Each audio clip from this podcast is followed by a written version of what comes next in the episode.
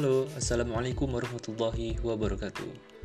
Jadi langsung saja, kali ini kita akan membahas tentang sebuah isu dari artikel yang berjudul How to Manage a Business Without a Headquarters. Atau bahasa Indonesia-nya itu bagaimana mengelola bisnis tanpa hmm, kantor pusat gitu. Karena ya yang mana kaitannya ini dengan peristiwa yang sedang terjadi yaitu pandemi COVID-19 yang tengah melanda global sehingga mengharuskan banyak perusahaan itu memanfaatkan teknologi jarak jauh dalam bekerja di rumah atau yang dikenal atau yang disebut dengan work from home.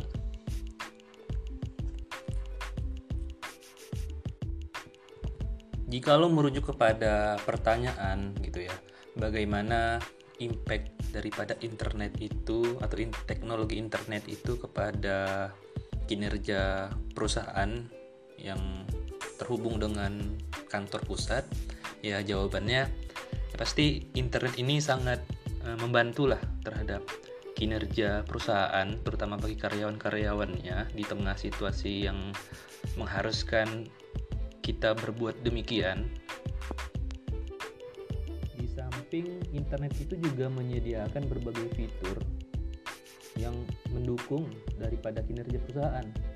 Sebut saja seperti telekonferensi yang berbasis online gitu yang dapat dilakukan oleh masing-masing perusahaan di tempat tinggalnya masing-masing dalam hal melakukan rapat misalnya dan lain sebagainya itu tentu saja sangat mendukung daripada hmm, perusahaan itu sendiri yang terkait daripada hadirnya atau digunakannya teknologi internet ini Kemudian ke pertanyaan uh, mengapa perusahaan modern saat ini lebih ingin mengembangkan gitu kan kepada uh, suatu hal yang berbasis kepada virtual yang terbaru gitu dalam halnya mungkin ini tadi telekonferensi.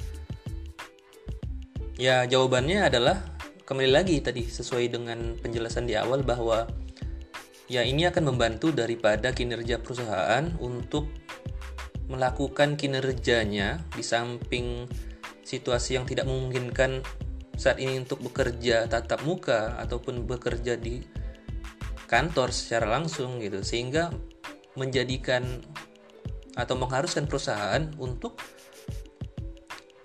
mencari jalan lain bagaimana kinerja eh, atau perusahaannya ini dapat tetap berjalan yaitu dengan ya beralih atau mengembangkan lagi media lainnya yaitu dengan ya virtual uh, telekonferensi ini gitu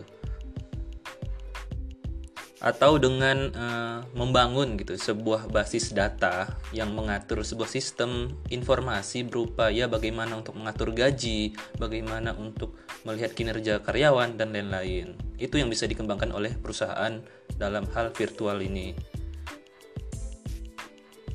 Kemudian Mengapa nah, hari ini banyak perusahaan yang menginginkan atau menghendaki untuk adanya pelatihan manajemen lagi untuk hal-hal yang seperti ini?